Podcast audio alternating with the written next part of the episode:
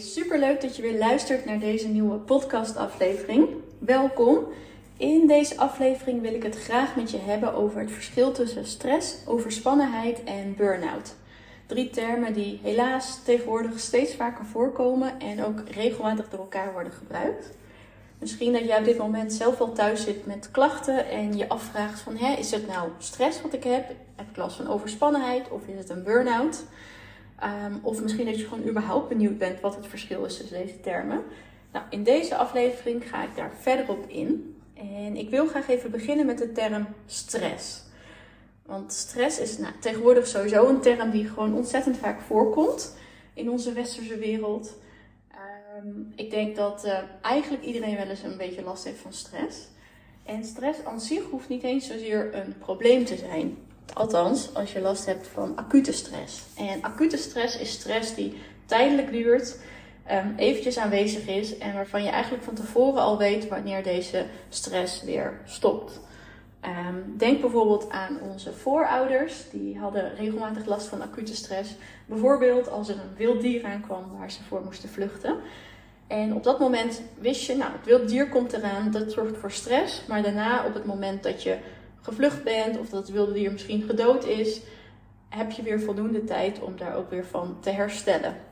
Dus dat is sprake, dan is er sprake van acute stress. Er is even stress en daarna heb je weer tijd om er van bij te komen. En deze stress kan dus eigenlijk heel erg functioneel zijn. Hè? Het stelt je bijvoorbeeld, zorgt ervoor dat je veilig bent, dat je kan vluchten voor een wild dier. Maar ook in onze moderne maatschappij, op het moment dat jij acute stress hebt, omdat je een presentatie moet geven voor het bestuur van jouw eh, organisatie bijvoorbeeld, dan zorgt die stress ervoor dat je überhaupt in actie komt. Dat je een goede presentatie gaat maken en die goed gaat voorbereiden. Zodat je weet waar je het over hebt en uiteindelijk ook een goed resultaat kan afleveren. En op zulke soort momenten is stress functioneel. Uh, het helpt je om je in beweging te zetten, om je veilig te maken. Um, en zeker als je nadat dat die stress voorbij is, tijd hebt om weer uit te rusten, is er niet zoveel aan de hand.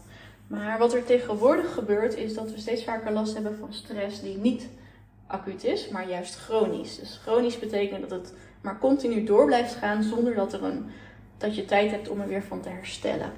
En chronische stress is juist eigenlijk hetgene wat dus wel schadelijk voor ons lichaam is.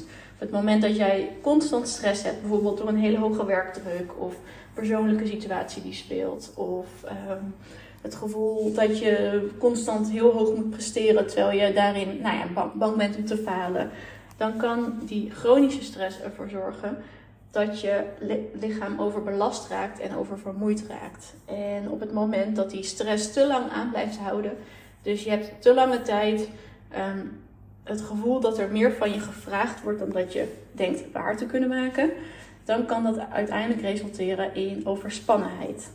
En dan kom ik dus bij overspannenheid uit. Overspannenheid is eigenlijk de overtreffende trap van stress.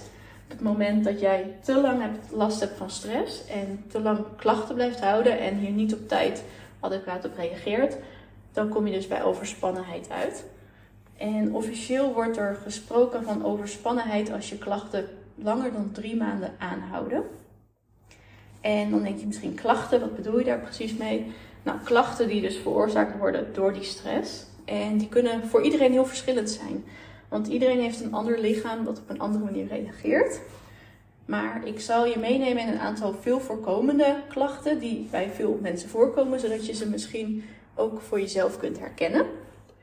En uh, klachten waar je bijvoorbeeld aan kunt denken zijn extreme vermoeidheid. Dus weinig energie hebben om dingen te doen. Uh, je futloos voelen. Uh, misschien heb jij wel heel veel last van acne of onzuiverheden opeens. Vind je het lastig om overzicht te houden en prioriteiten te stellen. Dingen waar je misschien vroeger helemaal niet zo'n last van had. Of waar je misschien zelfs goed in was. Of misschien merk jij wel dat je je steeds vaker irriteert aan bijvoorbeeld het gedrag van je omgeving of van je partner. Dat je kribbiger reageert. En dat misschien zelfs jouw omgeving af en toe zegt van hé, hey, wat is er met jou aan de hand? Zo, zo kennen we je helemaal niet. Misschien heb je wel last van gespannen nek of schouders, daar heel veel spanning zitten. Of uh, gespannen kaken, dus merk je dat je een heel stijf, sterk gevoel hebt op je kaken. Uh, wellicht merk je dat het je allemaal niet meer zo interesseert.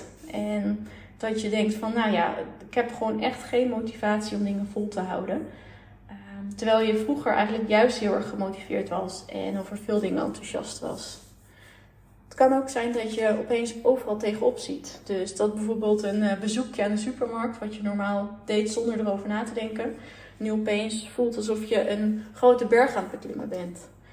Ehm, of dat je nou, gewoon er echt zo tegenop ziet om dat uit te voeren. En um, nou, het kan ook zo zijn dat je opeens gewoon veel emotioneler bent, dus veel huilbuien hebt.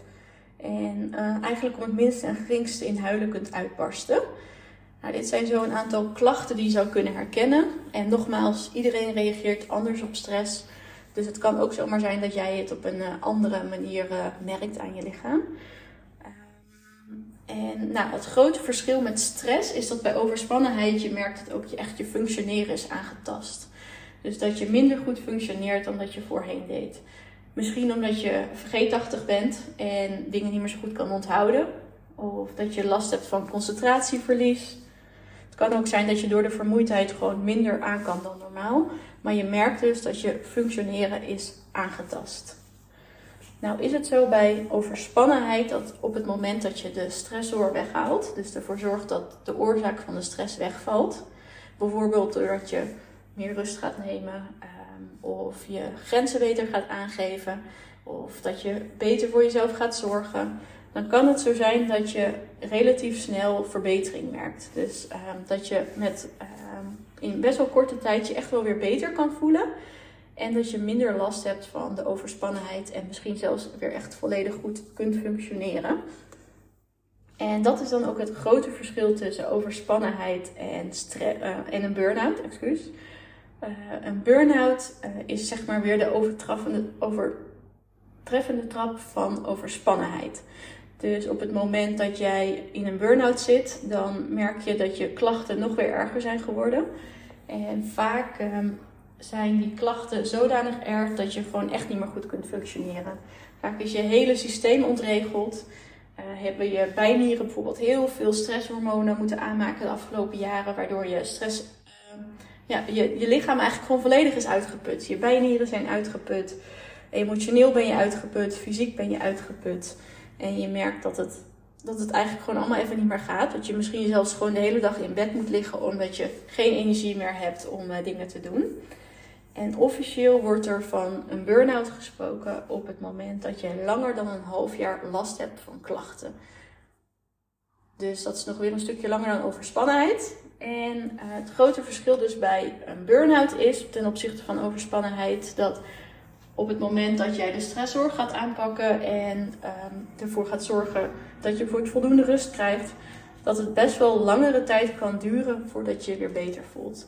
Omdat je gewoon vaak weken, misschien zelfs wel maanden of jarenlang over je eigen grenzen bent gegaan en te veel hebt gedaan, kost het gewoon echt weer meer tijd voor je lichaam om uit te rusten en hiervan te herstellen.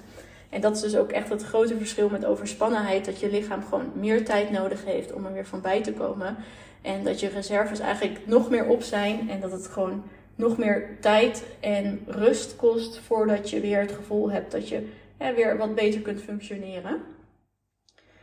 Um, ik denk dat dat de grootste verschillen zijn tussen stress, overspannenheid en een burn-out. Nou, wat is nou belangrijk als je merkt dat je dit soort klachten hebt?